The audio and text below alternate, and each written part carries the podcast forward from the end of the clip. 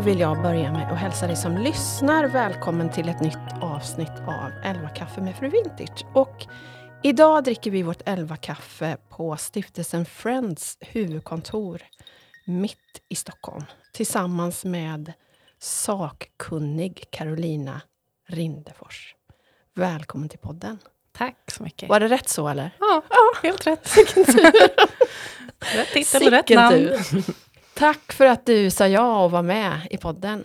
Tack, jättekul att få vara med. Ja, men jätte, jätteroligt. Och kul att få se vart ni sitter. Superfint kontor. Mm. Jag har hälsat på några av dina kollegor också. Mm. Temat för den här podden är ju såklart eh, mobbning och utanförskap. Det Ja. ska vi prata jättemycket om. Men först, hur har morgonen börjat? Ja, men bra tycker jag. Eh, fick iväg alla hemma till sina platser. Vad skönt. Vad skönt. Han till och med dricka en kopp kaffe innan det här. Ja, men då så. Så att ja, jag känner mig, jag mår bra. Hur gamla är barnen? Fem och sju. Man, Är det mannen stökiga? 43. Han klarar sig själv kanske? Han klarar sig oftast själv. Nej men det är, ganska, det är lugnare nu. Ehm, mindre liksom det här hetsen just i hallen. Ja, tycker jag har minskat. Eh, Man kan ändå lägga fram saker som de sätter på sig själva och liknande. just det. De är lite Ja. självgående. Ja, Men käkar ni frukost och så hemma? Liksom? Ja. ja. ja, men det gör vi. Vad skönt. Eh, nej, men jag tycker ändå- nu blir det ju mörkare, det är det där liksom, man måste ju anpassa sig lite och väcka dem och sådana där grejer. Mm. Men nej, jag tycker det funkar bra. Vi har nära till förskola och skola och sånt där, så det underlättar. Skönt. Skönt när de blir lite större. Ja, Att det inte är det här att man ska klä på liksom, ålande ett och ett halvt och treåringar. Det exakt. Men det är dock lite annorlunda nu att de väljer själva vad de vill ha på sig. Det är ju en skillnad. Ja, just Det det. är lite mer sådär... Eh, man så får du kan ha lagt fram mer. något och Mm. så passar Nej, det här inte passar det? inte. Nej. Nej. Och speciellt den äldsta sonen, han står gärna i spegeln. Och, Nej, det här passar inte, men det här passar. så det är en ny, ny fas. Ja, såklart. Ja. Men du, jag, ehm, jag har ju spelat in ett litet introduktionsavsnitt tillsammans med min man och våra två döttrar kring just det här temat mobbning och ofrivilligt utanförskap. Mm. Eh, och jag tänker att vårt fokus idag ska vara samtalet mellan barn och föräldrar. För det är ju lite grann av din spetskompetens, eller hur? Mm. Eh, men först, berätta lite om stiftelsen Friends för den som inte har en aning. Vad, vilka är ni och vad gör ni? Just det.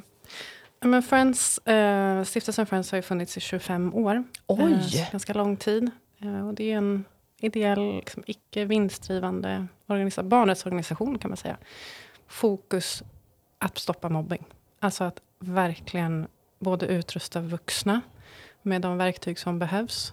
Eh, men också att lyfta barns röster. Hur det faktiskt är just nu att vara barn i Sverige. Ja. Så det är organisationen. Jag tänker att eh, Friends jobbar mest på skolor. Är det så, eller?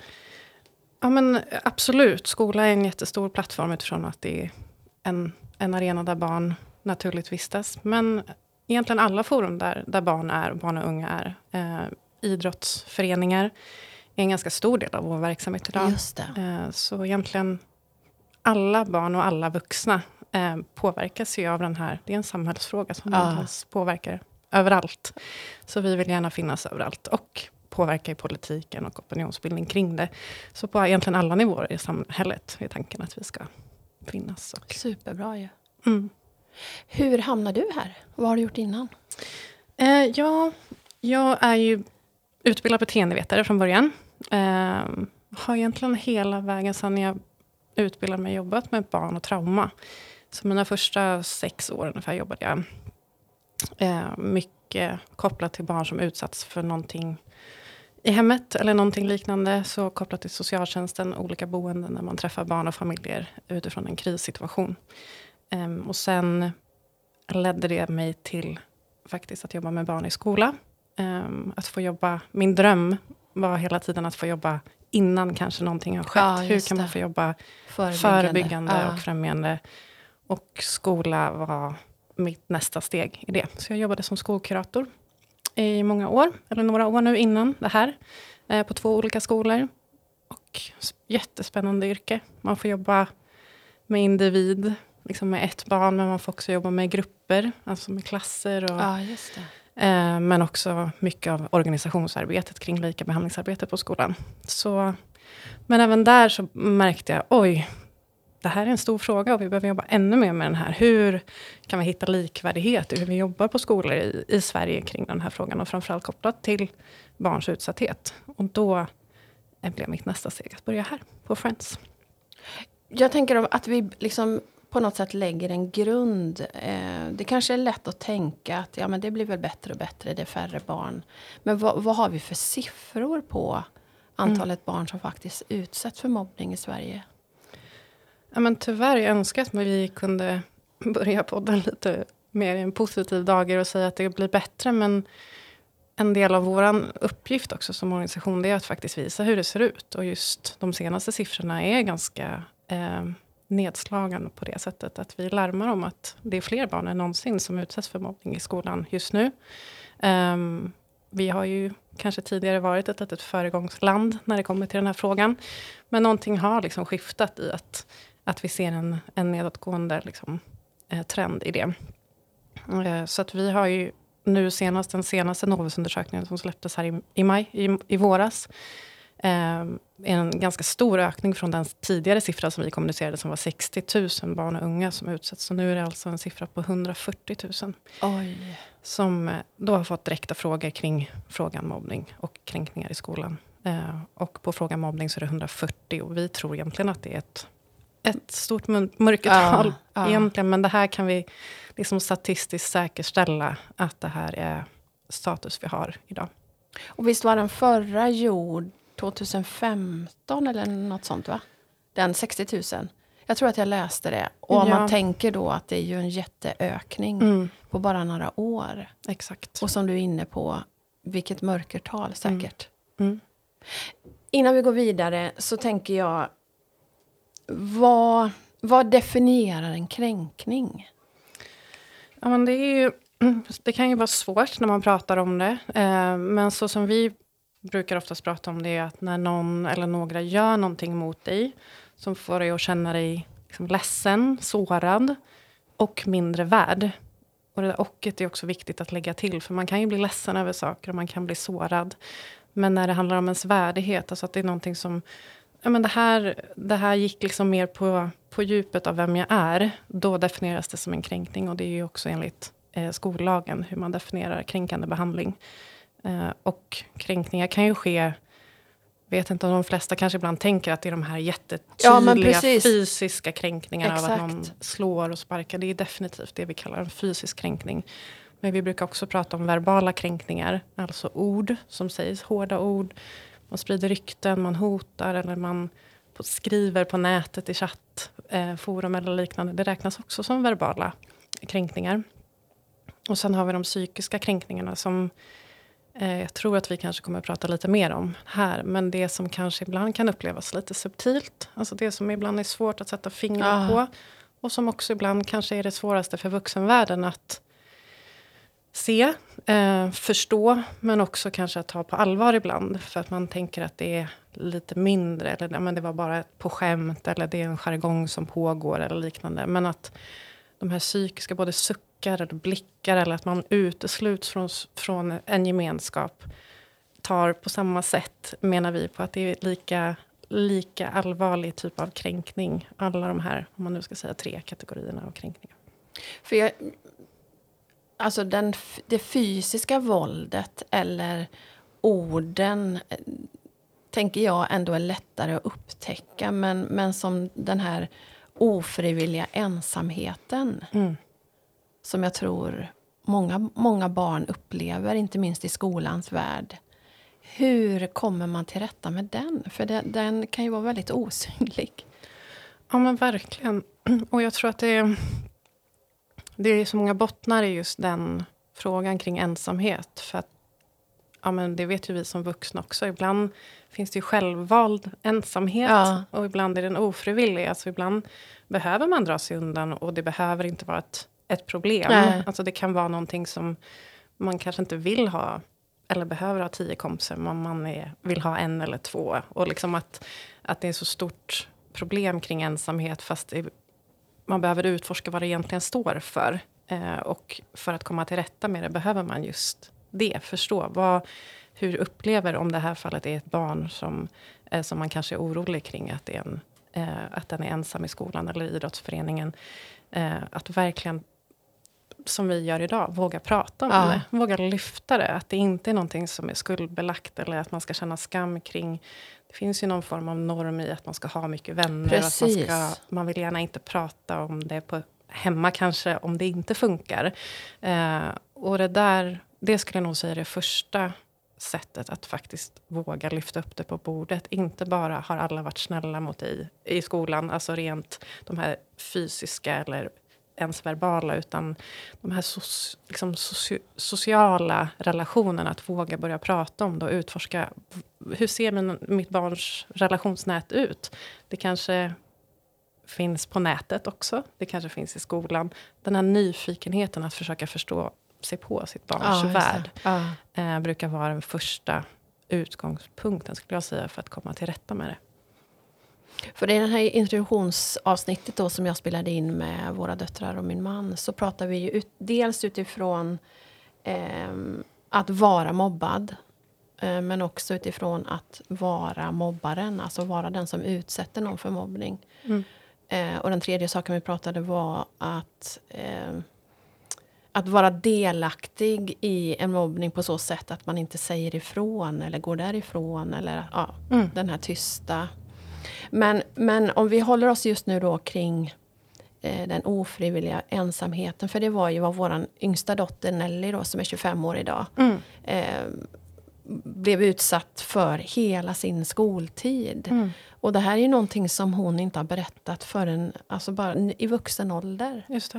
Ehm, och hur hon ofta satt eh, på en av skolorna hon gick då satt hon i torkrummet Mm. under rasten för att hon inte hade någon att vara med.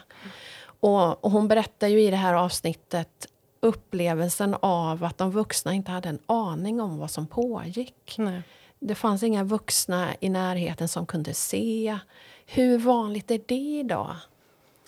Jag tror att det är väldigt vanligt. Och det är just därför jag tycker det är så bra att ni lyfter det i det, i det tidigare avsnittet. Att jag vet när vi har gjort undersökningar, eh, Friends-rapporten, så är det väldigt hög siffra alltid på hur många barn som känner sig oroliga till exempel för var, om de ska vara ensamma på rasten.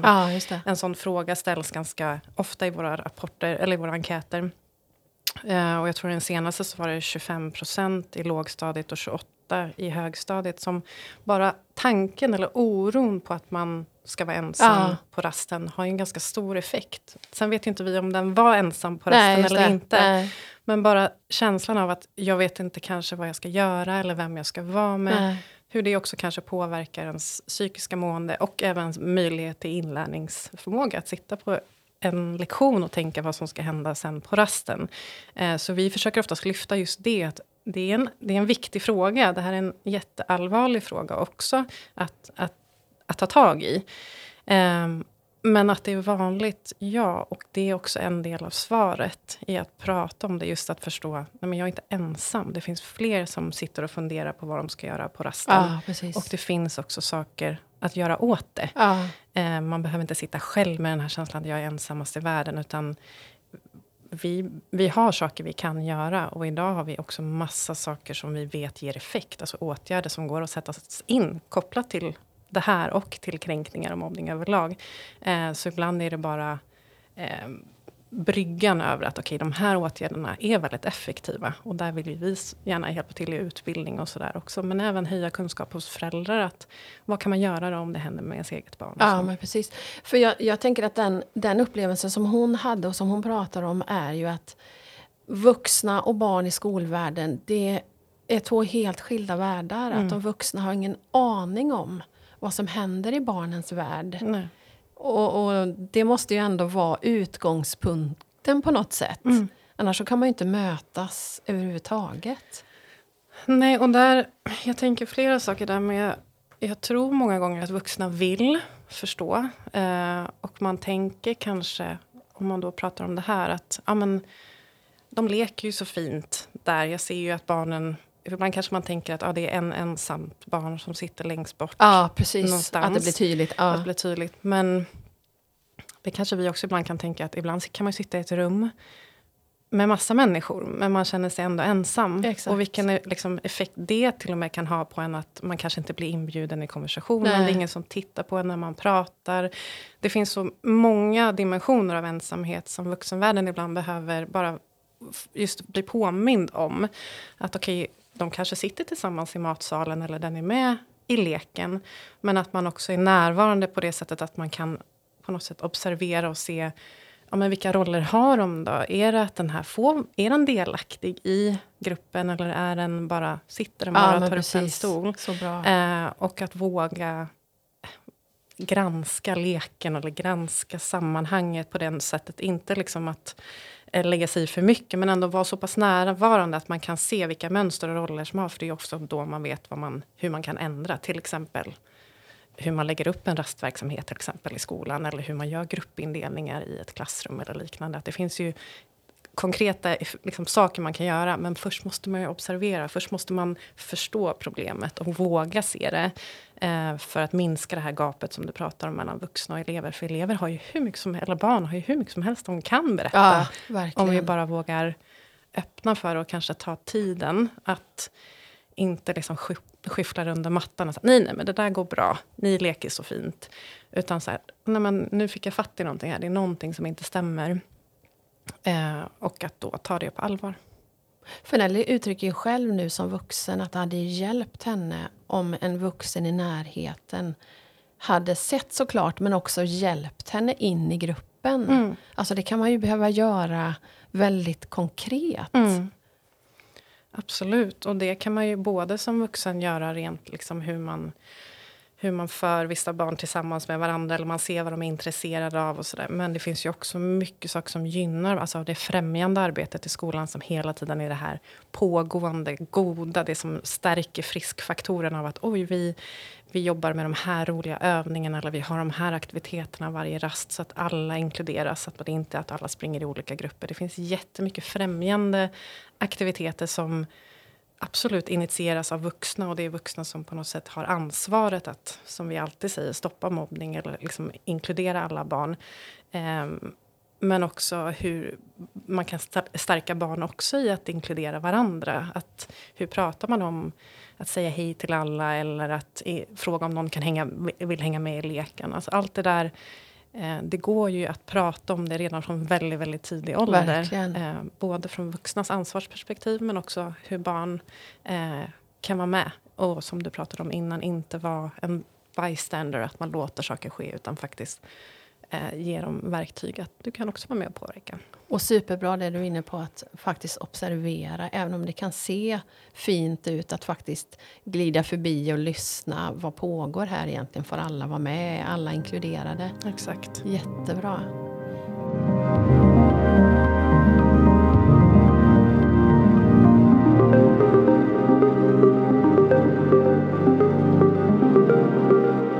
Rubriken på avsnittet som vi hade då var ju Elaka barn mobbar? Frågetecken. Mm. Vad, vad är ditt svar på den frågan? Jag tyckte ni pratade väldigt fint om det. Just att barn inte är elaka. Eh, jag tror att ni pratar om att man föds inte elak. Ehm, och vi pratar också mycket så här att man behöver kunna skilja på liksom handling och person. Ja. Att det finns så många anledningar till um, att den här maktobalansen som vi pratar om när vi pratar om mobbning, att det är någon form av eh, liksom det är de här systematiska kränkningarna som, som sker och det finns ett, man kanske känner sig underläge, att någon annan, liksom, man har svårt att försvara sig. Och det handlar ju om maktpositioner, att det är vad som finns för status i gruppen, vad som belönas. Och ni var inne på det också just med liksom att ibland hävda sig vissa barn. Det finns liksom, den anledningen till att man ibland begår negativa handlingar mot någon annan. Eh, att, ja, men det finns otroligt många anledningar till att man som barn utsätter någon annan. Och vi som vuxna måste orka förstå komplexiteten ah, kring det för att bemöta det på bästa sätt. För det är ju barn vi pratar om. eh, och det finns jättemycket stöd för det också i att det är det bästa sättet att få stopp på någonting också i hur man just bemöter både den som är utsatt, tar det på allvar, markerar, agerar att det här är inte ett okej beteende. Men att inte skuld och skambelägga den som utsätter utan mer komma in i ett okej, det här var inte ett okej beteende, men hur, vad var det som hände och hur kan vi hjälpa dig i ett annat sätt att bete dig i den här situationen? Um, och det här kan man ju prata om väldigt mycket, men just det här vad som gör att någon utsätter någon annan kan ju också vara vad det är för typ av gruppkultur eller ja, klasskultur. Ja. Vad man får för liksom social eh, bekräftelse från andra när man gör en negativ handling. Om andra skrattar med så kanske man fortsätter och liknande. Eh, så många gånger att komma till botten, vad, vad är det som händer i det här barnet? Är det på individnivå? Liksom, Är det något som har hänt som ni pratade om innan? Är det något som man bär med sig i sin ryggsäck hemifrån eller från tidigare erfarenheter? Är det att man själv har varit utsatt? Är det att Eh, man är rädd för att bli utsatt som man gör det. Eh, det finns liksom inte en, en quick fix där man säger sluta utan man måste Nej, ta sig tiden att ah, förstå ah. För att hjälpa det barnet. Ah. För på det sättet hjälper du också den andra som blir utsatt. Så det är två för, parallella processer. Ja så. men verkligen. För, för i Mackans fall då min man som var den som mobbade. Mm. Så kan han ju se nu som vuxen som vi pratade om i avsnittet att det fanns en anledning till det. Eh, och de han utsatte var eh, klasskompisar och skolkompisar som hade bra alltså familjesituationer. Mm. Och han själv då kom från ett hem där pappan var mitt inne i ett svårt missbruk. Mm. Eh, och det var ju väldigt mycket som han som barn saknade och inte fick. Och genom att utsätta den som hade den tryggheten då Eh, nu minns jag inte om vi pratade om det i detta avsnittet men räddningen för Mackan var ju en fantastisk rektor mm. som såg liksom hela hans familjesituation. Mm. Så han sög ju tag i Mackan och så bestämde de att du kommer till mig varje fredag. Och så satt de och fika och prata. Mm. Och det var ju räddningen alltså för hela hans skolgång. Mm. Men om man då inte som mobbare i det här, eller den, man ska inte kalla någon för mobbare, men den som utsätter någon för mobbning. Om man inte har den vuxna som, som förstår att här är det någonting som ligger bakom, utan man, precis som du säger, man ska bara sluta och man kanske blir straffad eller inte vet jag. Mm. Så det är så mycket, tänker jag, som hänger just på vuxenvärlden. Verkligen.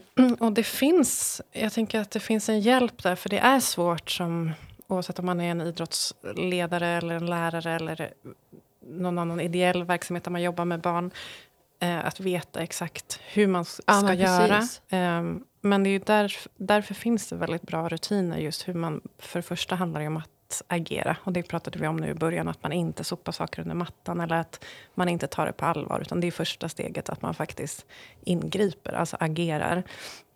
Och det är oftast i stunden. Det kanske handlar om att säga sluta, det kanske handlar om stopp, vi accepterar inte de där orden eller vad det nu är. Man får stoppa en situation. Men sen i nästa steg eh, så handlar det mycket om den här kartläggningsbiten, alltså utredningen, låter så formellt, men det är att försöka förstå. Man kan liksom inte hoppa över den, eh, den delen. Nej. För har du en kränkning, vi måste våga lyfta på den för att se vad som finns under. Alltså, vad är det som styr? Vad är det för normer? Vad är det för saker som gör att den här eh, kränkningen skedde? Varför blev den här barnet utsatt? Eller varför utsatte den andra?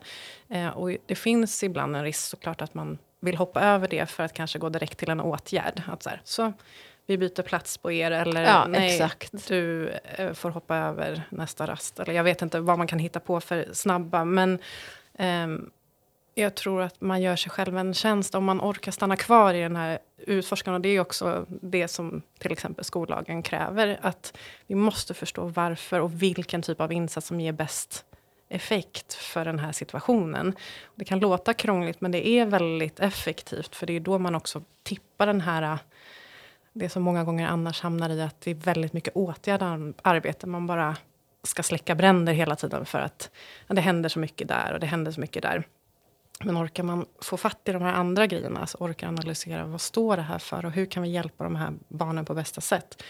då är också större chans att vi inte får så många eh, kränkningar överlag. Att det finns en väldig vinning att, att gå den vägen.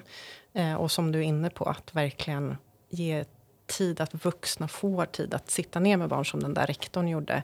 Det är väl det, är det vi hör mest från barn. Att det är ofta så ja, det var den där vaktmästaren eller ja, det var precis. den där eh, föräldern som skjutsade hem efter träningen som vågade fråga. Det är, liksom, det är oftast någon eh, som har tagit sig tid. Och det är oftast det som också är den bästa hjälpen. Alltså den här tillitsfulla relationen med någon vuxen som faktiskt tar en på allvar.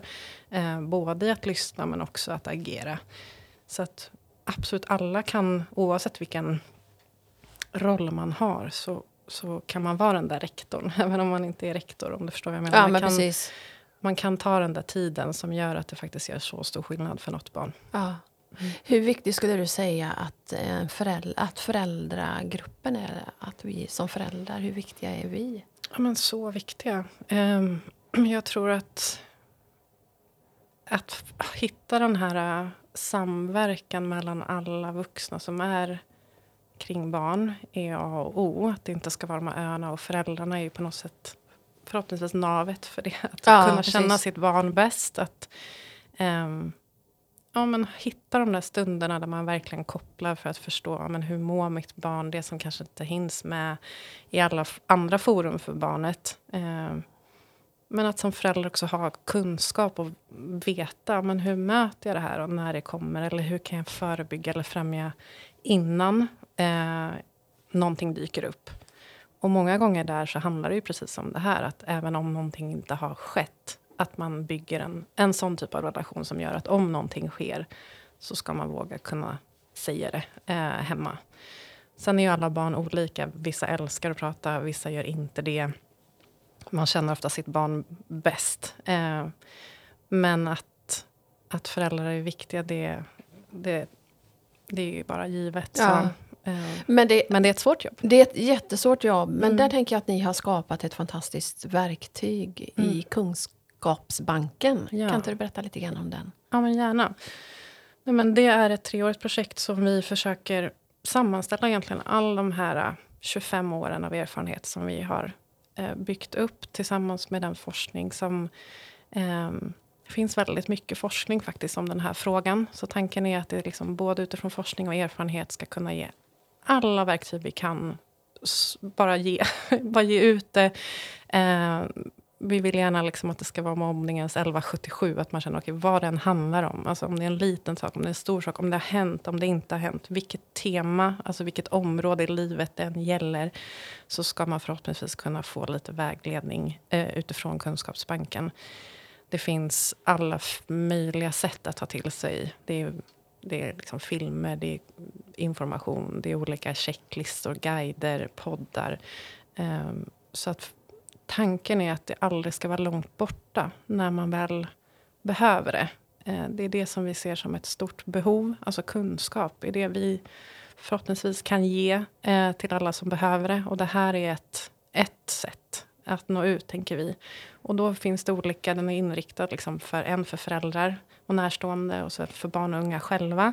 Och så nu är det under utveckling eh, kopplat till skolpersonal och idrottsföreningar också så att det ska vara eh, Tiptop. Det kommer snart lanseras.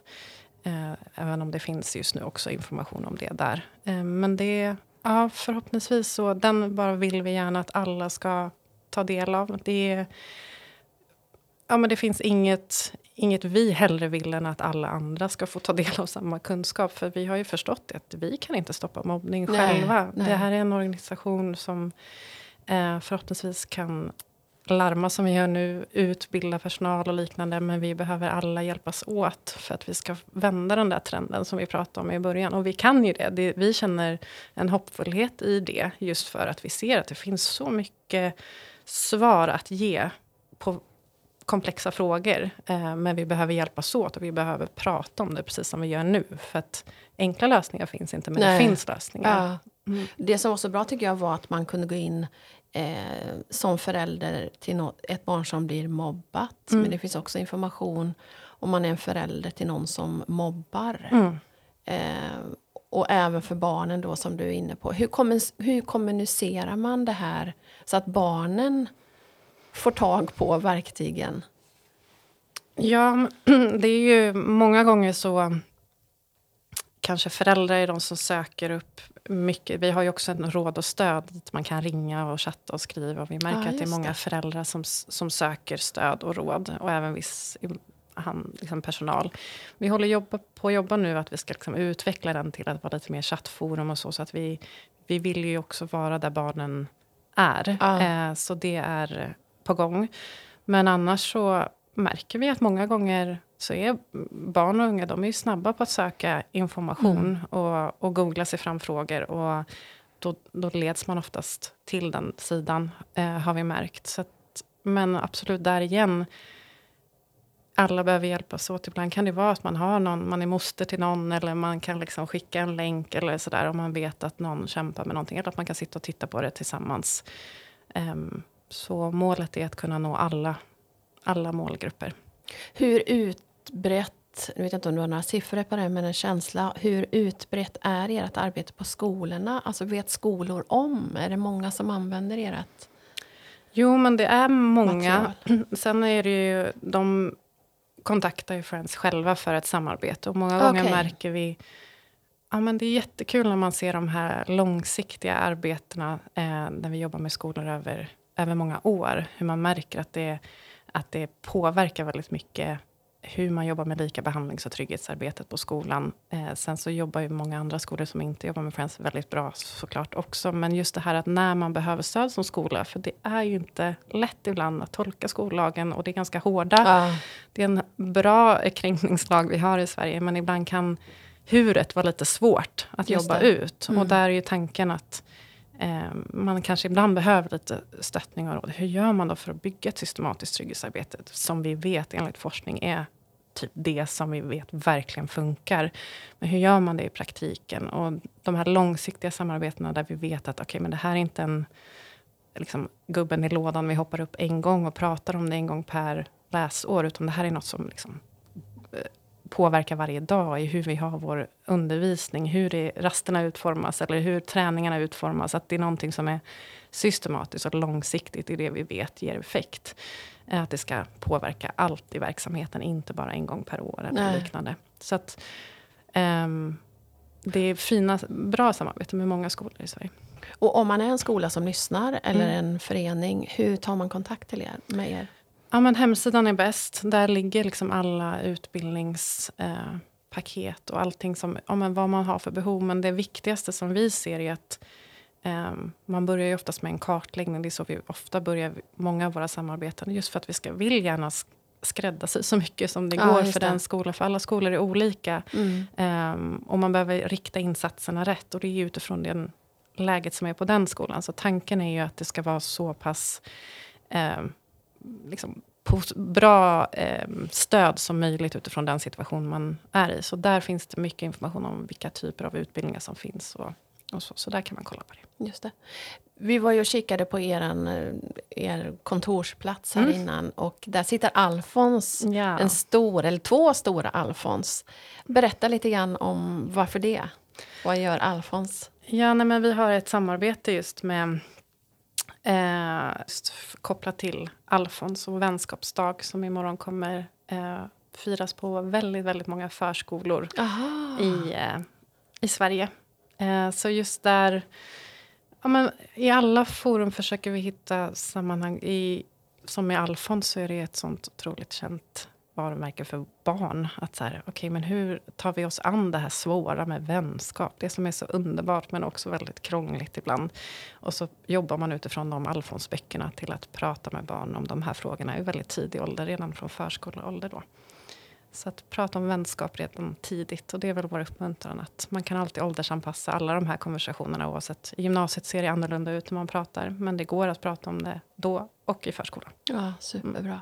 Och sen har ni Snällkalendern. Mm, Kompisar till mig, Anna och Malin på. Mrs Meggetto som har varit med och illustrerat den. just det. Två år tror jag i rad. Ja, jättefina. Berätta om den. Nej, men den är också ett, ett sätt att sätta liksom, verktyg i händerna.